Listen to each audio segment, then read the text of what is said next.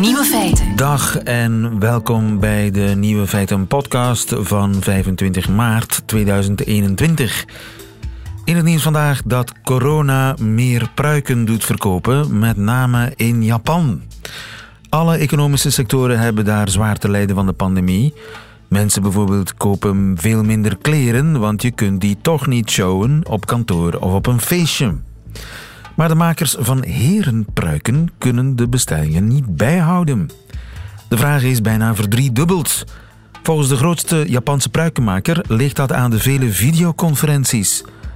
Ze hebben het de klanten niet rechtstreeks gevraagd, maar ze vermoeden dat al dat zoomen en videobellen voor veel mannen nogal confronterend is. Plotseling zien ze hoe kaal ze eigenlijk zijn. En velen zetten zo de stap naar een pruik.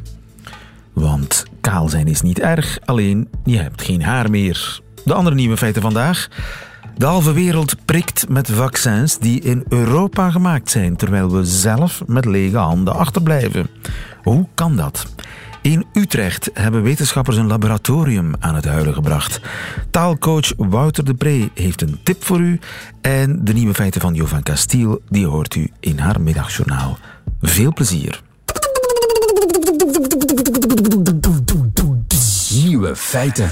Niet het maken van het vaccin blijkt het grote probleem in deze coronapandemie te zijn, maar het verdelen van het vaccin. Jonathan Holslag, goedemiddag. Hallo, goedemiddag. Professor internationale politiek van de VUB. Ongeveer 13% van de Europeanen is al gevaccineerd. Amper 13%. In de UK zitten ze al op ongeveer de helft, in de Verenigde Staten op een kwart.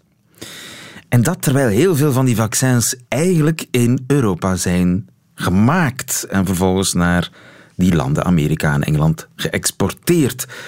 Moeten we daar niet eens mee stoppen? Daarover uh, zitten ze bijeen in uh, Brussel vandaag, de Europese leiders. Wat denk jij? Moeten ze dat doen? Wel, helemaal stoppen wordt natuurlijk uh, heel erg moeilijk. Te meer omdat Europa het een stukje aan zichzelf te wijten heeft. Het is belangrijk zonder meer om met Washington en Londen nu te komen tot een een vergelijker en inderdaad ook uit te leggen dat een stukje de geloofwaardigheid van uh, het Europese project afhangt van het vermogen om snel op grote schaal te vaccineren. Maar uh, opnieuw, anderzijds heeft de Europese Unie natuurlijk ook relatief traag geschakeld. Vorig jaar met de goedkeuring van nieuwe vaccins en ook het aankopen van, van nieuwe vaccins. Dat is een stukje de verklaring waarom, waarom het zo lastig loopt nu hier op het Europese continent. Maar waarom hebben de Britten wel vaccins en wij niet? Goh, ik denk dat er een aantal verklaringen uh, voor zijn. En, en, onderzoek van bijvoorbeeld uh, bladen als Politico verschaffen ons daar ook steeds meer uh, inzicht in.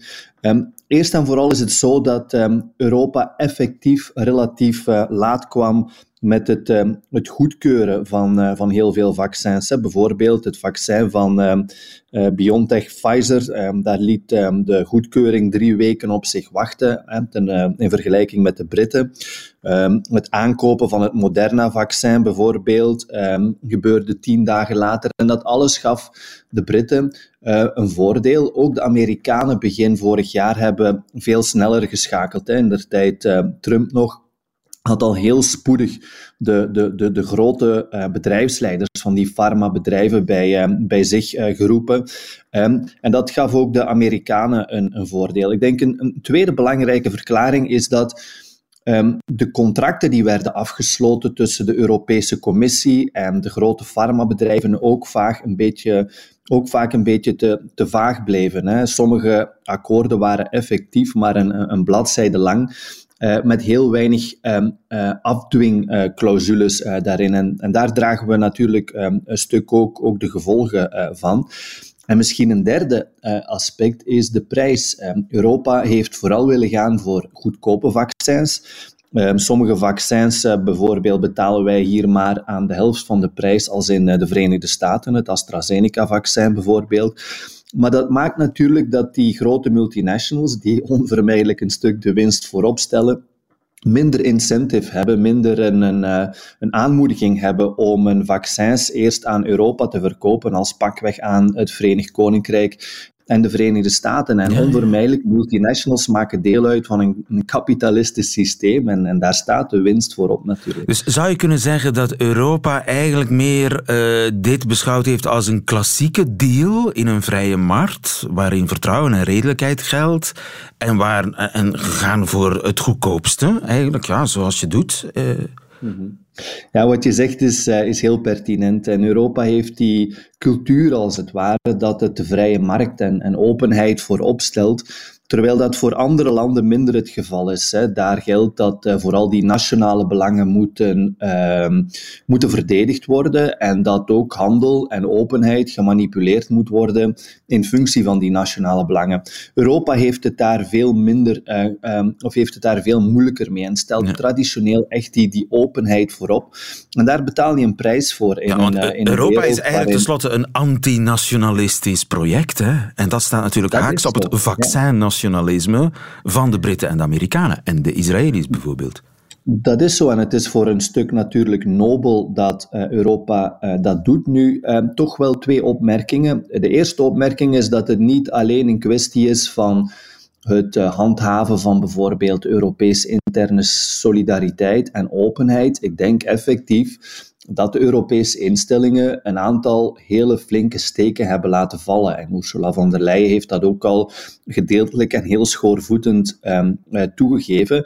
En dan twee ook, um, je mag natuurlijk je idealen hebben en het is heel belangrijk dat je je waarden en je idealen behoudt. Um, maar je mag die idealen niet voor realiteit nemen. Ik denk dat het effectief cruciaal is dat we solidariteit binnen de Europese Unie nastreven en er ook voor zorgen dat dat Europese project overeind blijft, maar dat betekent niet dat je ervan uit mag gaan dat de hele wereld zo uh, functioneert. En dat is een denkfout um, die heel veel Europese uh, ambtenaren uh, nogal eens durven te maken. Ja, en moet Europa dan meer als een staat gaan denken in een veranderde wereld, waar meer ja, nationalistische reflexen heersen, een eigen land eerst, een eigen vaccin eerst? Ja, dat zeg je ook weer heel mooi. Hè. Ik, ik vat het soms samen. Europa heeft een beetje de, de pretentie steeds meer van een staat, maar de strategische cultuur van een schaap en de snelheid van een schildpad. Um, waarmee ik bedoel, Europa werpt zich steeds meer op als de verdediger van de belangen van alle Europese burgers, ook in um, niet-economische kwesties. Denk maar aan uh, de migratieproblematiek, denk maar aan um, uh, gemeenschappelijke defensie, denk nu opnieuw maar aan uh, corona. Um, maar wat je merkt is dat die, die bureaucratische cultuur van de Europese instellingen er echt een is die, ja, die zeer technocratisch is, die, die heel erg bezig is met, met, met, met regeltjes en uitgaat van, van die open wereld, um, van rechtszekerheid ook uh, heel vaak terwijl de realiteit complexer is. En dan natuurlijk het derde feit, als je als staat wil ageren, ja, dan moet je heel snel durven, durven gaan. En dat betekent dat de beslissings- um, of de besluitvorming uh, eenvoudiger moet, maar ook, en dat is, dat is essentieel, dat je weet wat er rondom je gebeurt. En, en, en dat is vaak een heel groot um, euvel voor de Europese instellingen. Dat is dat ze niet gevoed worden door de lidstaten met de laatste inzichten van wat er in dit geval bijvoorbeeld in de farmabedrijven gebeurt en wat andere grote landen van plan zijn. Ja, omdat die lidstaten zelf het stuur in handen willen houden, maar als het dan fout gaat, wijzen ze naar Brussel. Goh, ik weet ook weer niet of het um, zo uh, eenvoudig is. Um, er zijn natuurlijk een aantal lidstaten geweest die tot op het laatste moment hebben geprobeerd en dat vandaag nog altijd um, uh, doen, uh, toch die, die nationale belangen voorop te stellen. Maar ik vind wel dat als je het leiderschap claimt en, en, en als je effectief je, je garant stelt voor een gemeenschappelijke um, Europese houding en een gemeenschappelijk Europees antwoord, ja, dat het dan ook wel je verdomde taak is om ervoor te zorgen dat anderen je niet in, um, in snelheid passeren. En dat zeker met de bureaucratische capaciteit en al die juristen die daar zitten van een Europese Commissie, dat je contracten onderhandelt die afdwingbaar zijn. Ehm, dus het, het, het, is een stuk um, het gevolg van de verdeeldheid uh, tussen lidstaat en de spanningen tussen lidstaat en de instellingen, maar het is ook een stuk, en daar moeten we niet flauw om doen, het gevolg van het, van het feit dat er een gebrek aan professionalisme, strategische cultuur ook is op het niveau van die Europese instellingen. Dat export, uh, of die controle op export, dat is nu ja, een, een nieuw wapen wat uh, Europa kan gebruiken om althans nog iets goed te maken. Zullen ze wat meer ja, vaccin-nationalisme op Europees niveau gaan tonen? Um, dat is zeker de bedoeling. En het um, blokkeren nu um, van die 25, of 29 miljoen vaccins zijn het, denk ik, die recent gevonden werden in Italië, is daarvan alvast één, één signaal. Maar natuurlijk, en, en dat maakt het moeilijk, als wij nu hard ageren en uh, uitvoer blokkeren. dan doen we toch gewoon wat andere landen doen? Dan passen we ons toch ook ja, gewoon aan aan de wereldcultuur? Absoluut. Ja, maar dan stel je natuurlijk ook uh, weer bloot aan, aan tegenmaatregelen. Dus ik zou voor een stukje pleiten voor een meer assertieve houding. Maar dan moet je ook voorbereid zijn op tegenmaatregelen en er rekening mee houden dat um, uh, in de diplomatie het vaak zo is dat uh, het ene dossier gekoppeld wordt aan het andere. En het best zo kan zijn dat nu Europa het, het eh, hard speelt op, ehm, op het dossier van de vaccins, maar dat later de Amerikanen ergens uit de hoek komen met uh, druk op, ik zeg maar iets, Airbus. Dus als je nu een stap zet, en ik zou dat um, zeker en vast deels aanmoedigen, dan moet je mentaal eigenlijk uh, al voorbereid zijn op, um, op represailles. En, en, en, dat is ook weer iets wat doorgaans moeilijk valt voor de, voor de Europese buitenlandse politiek. Ja. Moeilijk, maar uh, we zullen zien wat er uit de bus komt bij die Europese leiders die vandaag samen zitten. Jonathan Holslag, dankjewel. Goedemiddag. Met plezier. Radio 1. Nieuwe feiten.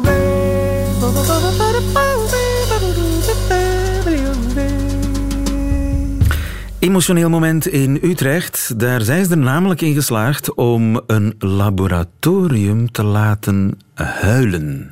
Hans Klevers, goedemiddag. Goedemiddag. Van het Hubrecht Instituut in Utrecht. In, in Utrecht. Uh, mag ik vragen, heeft u zelf een traantje weggepinkt toen het eindelijk gelukt was? nou, we hadden dat al een, een, jaar of twee geleden bedacht dat het zou moeten kunnen. En uh, toen het lukte, nou was vooral, dan gaat er meestal gaat er een, eh, een, fles wijn open of zo. Maar ik geloof niet dat we zelf hebben staan huilen, nee. Een laboratorium aan het huilen brengen, dat doe je door eerst traanklieren te maken, begrijp ik. Ja, ja, we hebben, ik zal proberen heel kort en duidelijk te zijn. We hebben een jaar of tien geleden ontdekt in mijn onderzoeksgroep in Utrecht uh, dat het mogelijk is om van hele kleine stukjes weefsel van mensen uh, kleine orgaantjes te kweken in het laboratorium. Heel veel toepassingen uh, daarvoor bedacht. Uh, en eentje was ervan uiteindelijk van nou, welk, orgaan kunnen we nog niet. Dat was de traanklier. Nou, dat is toch natuurlijk een beetje een iconisch orgaan voor ons. huilen is toch bijzonder. En uh, ja, wat we in de praktijk doen is, we proberen met een heel klein stukje weefsel wat we uit de oogheelkundekliniek krijgen van de oogartsen na een operatie, uh, brengen we in een petrischaaltje. En dan gaan er allemaal groeistoffen bij, een beetje zoals je plantjes stekt, zeg maar. Dat is een en wonder, dan, uh, als, het allemaal, als het goed gaat, dan gaat zo'n traanklier groeien. Ja. En dan kunnen we hem jarenlang steeds maar weer vermeerderen, in stukjes breken, weer doorgroeien. Ja, ja, ja. Het is heel en, bijzonder om dat te zien. De basis is stamcellen, veronderstel ik. Ja, er zitten in elk orgaan zitten, eh, zoals ik hier in mijn stoel zit op dit moment, elk van mijn organen heeft zijn eigen gespecialiseerde stamcellen. En wat die doen, is die zorgen dat zo gauw uh, de cellen verloren gaan in een, in een orgaan, gewoon door slijtage of door ziekte, dat die heel snel vervangen worden. En zo blijft een orgaan eigenlijk een leven lang intact. En als wij zo'n stukje weefsel uit het ziekenhuis krijgen, dan zitten daar ook wat stamcellen in. Die zijn niet makkelijk te zien, maar die kunnen we heel makkelijk uh, actief maken in die petrischaal, dat hebben we eigenlijk ontdekt. En als je dat van een stukje traanklierweefsel doet, dan krijg je dus inderdaad uh, traanklierstamcellen en die maken dan weer nieuwe traanklier. Ja, maar waarom zou je een traanklier willen maken? Gewoon voor de sport of omdat we die nodig hebben? voor de wetenschap zouden wij zeggen. Nee, het is. Kijk, wij vinden het natuurlijk al überhaupt interessant om te weten hoe, hoe dingen in het menselijk lichaam werken. En er is van de traanklier niet heel veel bekend. Maar er zijn wel degelijk uh, grote uh, gezondheidsproblemen met traanklieren. Droge ogen, dry eye disease in het Engels. Komt veel voor, met name bij oudere mensen. En is, is uiterst vervelend. En uh, moeilijk te genezen. Daar is weinig, er zijn weinig oplossingen voor op dit moment. Ja, op dit moment krijg je, krijg je een flesje met, met oogdruppels, zeg maar kunsttranen mee. En die moet je heel vaak per dag moet je die in je oog druppelen om het oog een beetje vochtig te houden. Meer kunnen we niet doen eigenlijk. Uh, dat zijn labmiddelen. Dat is echt een labmiddel, ja. ja. ja. en dus met die gekweekte traanklieren hopen we uiteindelijk uh, die, ze kunnen te transplanteren. En dan zou je dus een, een traanklier van een patiënt die niet meer werkt, zou je kunnen uh, vernieuwen een beetje oplappen en zorgen dat hij weer gewoon traanklier, uh, tranen, traanvocht maakt. Waar zit de traanklier eigenlijk? De traanklier zit uh, een beetje uh, rechts boven achter je ooglid. zeg maar aan de buitenkant, van rechteroog rechts, van linkeroog links. een beetje verborgen onder de huid. Dus ze zit bovenaan eigenlijk? Ja, onder je ooglid? Komen dus eigenlijk, ja, en de tranen komen dus eigenlijk van, van, van, van, boven. van de buitenkant van je hoofd. Van boven stromen ze langzaam naar je neus. En dan zit zo'n klein rood dingetje uh, aan de binnenkant van je oog. En daar wordt de traanvocht weer afgevoerd. En komt uiteindelijk in je neusholder terecht. Zo zit het. En, en er is nog veel mysterie rond die traanklier. Uh, maar dat mysterie is nu ja, een, een, een voor een deel opgelost. Want uh, jullie hebben kunstmatige traanklieren in het laboratorium gemaakt. En die traanklier uiteindelijk dan nog doen huilen. Is dat op een bepaald moment gebeurd? Was dat gepland? Of, of staan daar dan camera's op van jongens, het is aan het gebeuren? De tranen komen. ja, we filmen dat inderdaad. Maar nou, dat was natuurlijk uiteindelijk, uiteindelijk de bedoeling. Want traanklieren, ja, wat doen ze? Die maken tranen. Dus als we echte traanklieren in het lab hebben, dan moeten ze dat kunnen doen. Nou is het zo dat, dat, uh, dat als je echt gaat huilen door een uien of schade aan je oog... of, of als je door emoties bevangen raakt, dan komt er een signaal uit je hersenen. Er lopen zenuwen naar die traanklieren toe. En die geven een stofje af, adrenaline, uh, tegen die traanklier aan. En als hij dat stofje ziet, dan vormt hij tranen. Ja, dus het was niet zo heel ingewikkeld toen we ze eenmaal hadden. We doen er wat adrenaline bij. En we zagen inderdaad dat ze keurig uh, een hele, hele grote hoeveelheid uh, traanvocht Wonderlijk. In, in dus, tijd dus eigenlijk van een half uurtje. Door een soort adrenalinestoot gaat die traanklier in overdrive, maar eigenlijk produceert hij voortdurend vocht om die ogen van ons vochtig te houden. Ja, altijd, altijd zeg maar, een soort uh, een basishoeveelheid. Maar ja, uh, krijg een keer iets in je oog, dan weet je dat ze veel meer kunnen maken dan ze standaard doen. Juist, en als ze dat niet doen, dan krijg je grote problemen. Kan je zelfs blind van worden. En het enige wat nu bestaat is een soort ja, druppeltjes die je ja, voortdurend aan moet toevoegen. Maar het zou natuurlijk fantastisch zijn mochten we ooit een kunstmatige traanklier kunnen transplanteren ergens in een ooglid of onder een ooglid. En misschien dankzij de inspanningen van het uh, Hubrecht Instituut in Utrecht, uh, van onder meer Hans Klevers. Uh, zal dat ooit kunnen? Dankjewel Hans en gefeliciteerd. Radio 1. Nieuwe feiten. Dodge, de Amerikaanse auto, heeft uh, twee-stapsverificatie voor hun auto's ingevoerd. Twee-stapsverificatie, inderdaad. Dat bestond al om bijvoorbeeld toegang tot uw mailbox te krijgen. Dat je eerst je wachtwoord hebt ingevoerd, dan moet je daarna nog via je telefoon, je mobiele telefoon, je gsm, een code invoeren. En zo kun je hackers uit je mailbox houden. Maar blijkbaar werkt het dus ook tegen autodieven.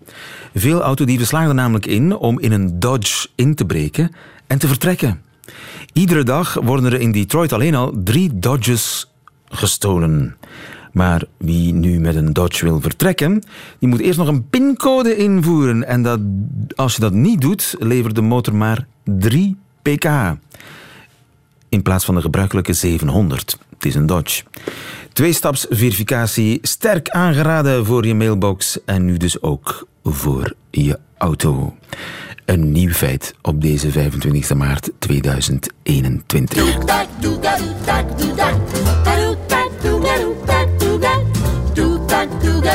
De taalcoach.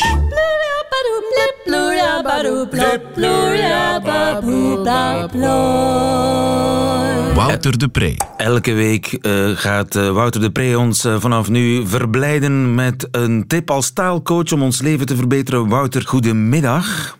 Goedemiddag, lieve. Wouter, waar heb je die tip deze week gevonden? Ja, eh, in de wielerwereld, eh, bij Christophe van de Goor. Eh, zoals je weet is het wielerseizoen opnieuw begonnen. Hè? En ik weet niet of je hebt geluisterd naar Milaan Sanremo vorige zaterdag. Uiteraard, ademloos. Dan heb je Christophe van de Goor aan het werk gehoord, denk ik. Hè? Misschien moeten we nog eens naar een klein stukje luisteren. Nog 9 eh, kilometer tot aan de streep. Dat is heel mooi aangegeven op de flanken van die Poggio. Waar inderdaad de serres verwijzen naar een ver verleden. Een verleden van bloemkwekerijen. Maar door de concurrenten eh, uit het eh, buitenland is ook die industrie, net als die van de citrusvruchten, lang geleden helemaal ingestort. En geloof het of niet, maar Sanremo stort zich daarom de laatste jaren op het fietstoerisme. Absoluut. En over fietstoerisme gesproken. Wat, hoe zou die het daarmee gesteld zijn in Australië? Waarom zeggen we dat? Omdat ene Caleb Ewan, die komt nu ook naar voren. Daar is die, de kleine pocket sprinter. Caleb Ewan zit vooraan in het wiel van de man van Ineos. Ja, dat heeft hij eh, prima gedaan, moet ik zeggen. Daar zit hij nog. En als die mee kan over deze Poggio geraken. Maar goed, zover zijn we nog niet. Ja, ik heb er bewondering voor, want je moet toch aan de praat blijven. Hè? Ook al gebeurt er niet zoveel in de koers. Er gebeurt niks, hè. Dat is de essentie van wielrennen. Er gebeurt een paar honderd kilometer, goed als niets. Het is meestal even boeiend als kijken naar gras dat groeit. En dan hebben we mensen als Christophe van de Goor. Die houden nu boeiend bezig tussen die schaarse momentjes waarop er eventueel iets zou kunnen gebeuren. Hij geeft geschiedenis mee over de bloemkwekerijen, de citrusteelt. Hij maakt brugjes tussen fietstoerisme in Sanremo en in Australië. Ja, ik vind het prachtig, want zo maakt hij toch die saaiheid draaglijk. Zeker, en meer dan dat. In het fragmentje dat we hebben gehoord, is de enige actie is één wielrenner die 10 centimeter naar voren is geschoven in het peloton. En door Van de Goor wordt dat een thriller. Ik vind dat een mirakel. Zoals dat je in de mis volgens de katholieke godsdienst die kartonnen hostie, dat die het echte lichaam van Jezus wordt. Zo wordt de saaiste wedstrijd in de saaiste sport met de saaiste sporters plots bloedstollend spannend door Christophe van de Goor. Ja, hoe doet hij dat toch? Hè? Wat, wat, wat zou zijn geheim zijn? tweeledig, denk ik. Hè. Een stukje nature. Eh, het zijn weinig mensen die het weten, maar Christophe van de Goor is verwekt tijdens een gangbang van een geschiedenislerares, een toeristische gids, een roddeltante, een fruitboer en een fietsenmaker. Maar er is ook een stukje nurture, hè, lieve. Christophe heeft een enorm saaie jeugd gehad. Heeft tijdens zijn schooltijd moeten aanleren om avonturen te verzinnen, om toch een beetje aanzien te hebben op de speelplaats. En dat is de ideale eigenschap om koers te becommentariëren. Het is ook een ideale eigenschap voor de tijden waarin we nu leven, hè? Zeker, ons leven is zo ontzettend saai het afgelopen jaar. Zoom vergaderen, koken. En dan is het hoogtepunt van de dag dat je s'avonds mag gaan wandelen met een vriend. En het was door Milaan Sanremo dat ik dacht, moesten we nu ons saaie leven eens pimpen? Eh, moesten we nu eens onze innerlijke Christophe van de Goor aanspreken? En is dat gelukt? Ik ben maandagochtend begonnen. Eh, mijn vrouw kroop zuchtend achter haar computer voor haar eerste Zoom-vergadering van de dag. Ik heb mij naast haar gezet en ik ben commentaar beginnen geven. nu ben ik wel heel benieuwd hoe dat klonk. Ik probeer het te reconstrueren. Het was zoiets. En ze gaat naar de Zoom-pagina. Ja hoor, ze vraagt verbinding. Ze maakt... Dit is spannend. Dit is spannend. Heeft ze het juiste uur in haar agenda geschreven? We herinneren ons nog goed hoe ze bij het eerste afspraakje met haar toekomstige man een uur te laat was. Oh, nee, kijk hoor. De beheerder is online. Zal mijn vrouw toegelaten worden tot de vergadering? Ja, ze zit binnen. Ze zit binnen. Iedereen groet elkaar. Goeie sfeer hoor, voor een maandagochtend. Oh, de verbinding valt weg. Oei, oei, oei, ze is de connectie kwijt met de collega's. Zoals ze mij al vaak heeft gezegd dat ze de connectie met de collega's wat kwijt was. Maar ze wordt terug opgewist door de groep. Hartelijk begroet. Ja hoor, ze lacht. De sfeer is goed. Deze Zoom loopt stukken vlotter dan verwacht, dames en heren. Dat belooft voor de rest van de dag. En met dit mooie moment gaan we er even uit voor de eerste koffie van de dag. Dank voor het luisteren. Uw vrouw was nogal uh, tevreden zeker van uw uh, interventie. Dat was onduidelijk, lieve. Maar het heeft zeker iets losgemaakt. Want toen ik uh, de tafelsmiddags afruimde, is zij, Christophe van de Goorach, de commentaar op begin leveren. Oké, en hoe klonk dat? En Wouter brengt de vuile borden naar de keuken. Dat is verrassend, dat is verrassend. Hij weet dus wel degelijk waar die keuken zich bevindt. Hij is hier niet op vertrouwd terrein. Nu wordt het spannend. Zet hij de borden in de vaatwas of wast hij ze met de hand? Hij wast ze met de hand, dames en heren, met de hand. Hij kiest voor het ambachtelijke werk. Oei, op dit moment begaat hij een grote fout. Hij begint niet met de glazen, nee, hij begint met de borden. dit zal hem later in de afwas duur te staan komen. Inderdaad, we zien het al, zoals voorspeld. Het vet van de borden vermengt zich met het afwaswater. Onmogelijk dat Wouter met dit water de glazen nog proper afgewassen krijgt. Nee, dames en heren, het beste wat hij nu nog kan gaan doen is volledig opnieuw beginnen. Maar ja, dat doet hij dus niet. Zo kennen we hem. Nee hoor, hij grijpt de afdrooghanddoek en probeert daarmee de smurrie van de glazen te wrijven. Hiermee gaat hij dus totaal de mist in. Bewijst hij dat hij nog niet klaar is voor afwaswerk op het hoogste niveau. Dit is geklungel, dames en heren. Walter is niet voorbereid op deze afwas. Oei, jammer, jammer, jammer, jammer. Ja, ik moet zijn, uw vrouw heeft talent. Dat in elk Ze geval. kan het, hè. Ze kan het. Hè. Ik, ik vind het ook een prima manier om via eh, eh, een onpartijdige commentator kleine spanningen in huis te ontmijnen. Hè. De- Ja, maar- Ik doe nu de afwas niet meer, bijvoorbeeld. Ah, want je was beledigd. Eh, eh, ja, ik, ik, ik vond het toch een beetje ver gaan. Ik vond het geen objectieve commentaar, moet ik zeggen. Kun je dat ook op de kind... Je hebt ook kinderen, hè, Wouter? Ja, ik heb er twee. Ja. Kun je je Christophe van der Goor ook op de kinderen loslaten? Werkt dat? Zeker wel. Ik heb het gisteren nog gedaan. De jongste moest zich wassen. Die doet dat niet altijd volledig. Dus eh, eh, gaf ik commentaar door het sleutelgat. Ik noem hem nu eventjes Pablo, hè. dat is zijn artiestennaam. Dat klonk zo. Welkom in de badkamer, dames en heren. Het is zeer vochtig. Pablo zit al een half uur in bad. Veel actie hebt u tot nu toe nog niet gemist. Het is voornamelijk weken geweest tot nu toe. We hebben nog geen washandje gezien, nog geen likje zeep, nog geen druppel shampoo. Zelfs het hoofdje van Pablo is nog niet onder water geweest. Nee, alle badtijd tot nu toe is opgegaan aan kijken naar een filmpje op de smartphone van papa. Maar de tijd dringt, dames en heren. Over vijf minuten is het slaaptijd. Loopt dit bad met een sisser af? Of mogen we toch nog schoonmaakactiviteiten verwachten? Oei, oei, dames en heren. Pablo kijkt verschrikt. Hij hoort stappen. Dat moet de moeder zijn op de trap. Pablo snapt de ernst van de situatie. Hij grijpt het washandje, maakt het nat. Dat is een goede eerste stap. Hij duikt onder water, komt weer boven. Hij proest. Hij grijpt de shampoo. Hij springt terecht. In een magistrale finale wast Pablo met zijn linkerhand zijn haar. En met zijn washandje rond zijn rechterhand wast hij de rest van zijn lichaam. Fantastische wasprestatie in extremis van Pablo. Mama komt binnen en ze knikt goedkeurend. Hier komt Pablo goed weg. Hier komt hij goed weg. Wat een inhaalbeweging van Pablo. Laat de innerlijke Christophe van der Goor in je los als tip. Dankjewel, Christophe. Eh, Klopt zeg ik? helemaal, klopt Ik probeer helemaal, al een. Ja, beetje je de- mond ik- gaat nu open, dames en heren. Oei, staat Lieven op het punt om afscheid te nemen van de taalcoach? Ja, ik probeer Zal ook een klein beetje de Christophe van der Goor me los te laten? Misschien heeft hij gewoon ontzettend zin in de chacha die nu voor hem ligt. Ja. Wat een verrassing trouwens dat het een chacha is vandaag en niet de gebruikelijke bounty. De bounty die zijn partner Erwin elke ochtend trouw in de Oh. boterhammendoos van Lieven steekt. Ja hoor, achter elke bekwame radiopresentator staat een rots van een partner. Dat mag ook wel eens gezegd worden, maar een chacha dus vandaag. Verrassend. Lieves mond opent nog verder. Gaat de chacha erin? Of is het om afscheid te nemen van de taalcoach? We wachten in spanning af. Dankjewel, Wouter. Het was dus wel degelijk om afscheid te nemen van de taalcoach dat Lieve zijn mond opende. En van dat moment, dames en heren, maakt de taalcoach gebruik om de chacha van Lieve te stelen. De taalcoach heeft de chacha van Lieve in handen. Wat een ontknoping. Dit had niemand verwacht. De wedstrijd om de chacha is gespeeld. De taalcoach steekt de chacha nu in zijn mond. Tot volgende week. Tot volgende week, Wouter de Pre. Tot volgende week, lieve. Nieuwe feiten.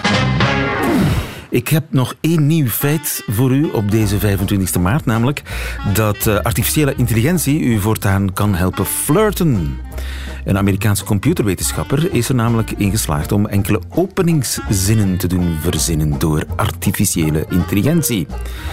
De vrouw voedde het algoritme met enkele standaard openingszinnen en de computers verzonnen daarop enkele parels. Bijvoorbeeld, ik hou van je. Het maakt niet uit dat je een hond in een regenjas bent. Mooi. Of wat dacht je hiervan? Ik zal kort het plot van Back to the Future voor je samenvatten. Knaller van een openingszin. Maar niet alle pogingen waren even geslaagd. Zo kwam een van de computers met de volgende openingszin. Grappige en handige sweaters. 15,99 dollar. Ja, misschien eens uittesten op Tinder. Wie weet wat het helpt.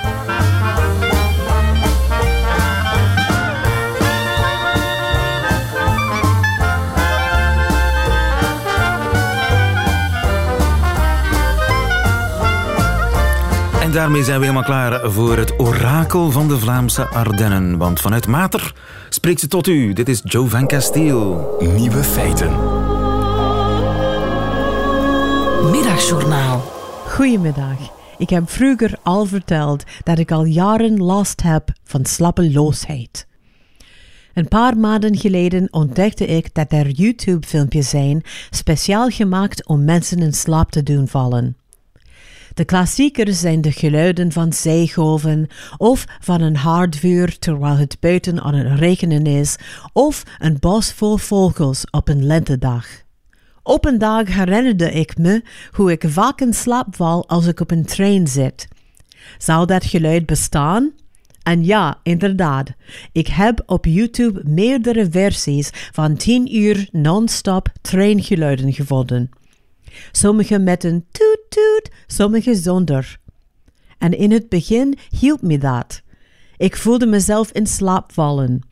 Maar telkens ik bijna in slaap was, begon ik te denken: oh nee, ik ga mijn halte missen. En werd ik wakker. Een paar dagen geleden kon ik s'morgens moeilijk wakker worden, omdat er buiten aan ons huis mannen bezig waren met een drillboor. Ja, voor mij klinkt dat normaal en rustig. Dat komt misschien door het feit dat ik ben opgegroeid in Los Angeles, waar drillboren en politiehelikopters normale geluiden waren. De werkmannen zijn drie dagen bezig geweest en ik heb drie dagen perfect geslapen. Eindelijk had ik een geluid gevonden dat mij deed slapen. Maar hoe zou ik ooit een tien uur durende film van drillboorgeluiden vinden? Mijn man zei: Je zal dat nooit vinden, Jovanka. Jij bent de enige persoon ter wereld die in slaap kan vallen met een drillboor, gekke Amerikaanse vrouw. Maar kijk, op YouTube kan je elk mogelijk geluid vinden om in slaap te vallen. Tien uur lang durende droogkasten, pauwengeluiden tijdens een onweer, sfeer in Disneyland, geluiden uit de Vietnamoorlog en zelfs tien uur lang durende ezelgeluiden. En pas op, dat filmpje met ezelgeluiden werd al 750.000 keer bekeken. Dat betekent dat er in de wereld duizenden en duizenden mensen zijn die niet kunnen slapen zonder dat ze constant ezels horen. En ja, natuurlijk heb ik een 10 uur durende film met drillboorgeluiden gevonden. Nu moet ik alleen nog mijn man overtuigen dat wij dat geluid de hele nacht in onze slaapkamer kunnen afspelen. Tot morgen.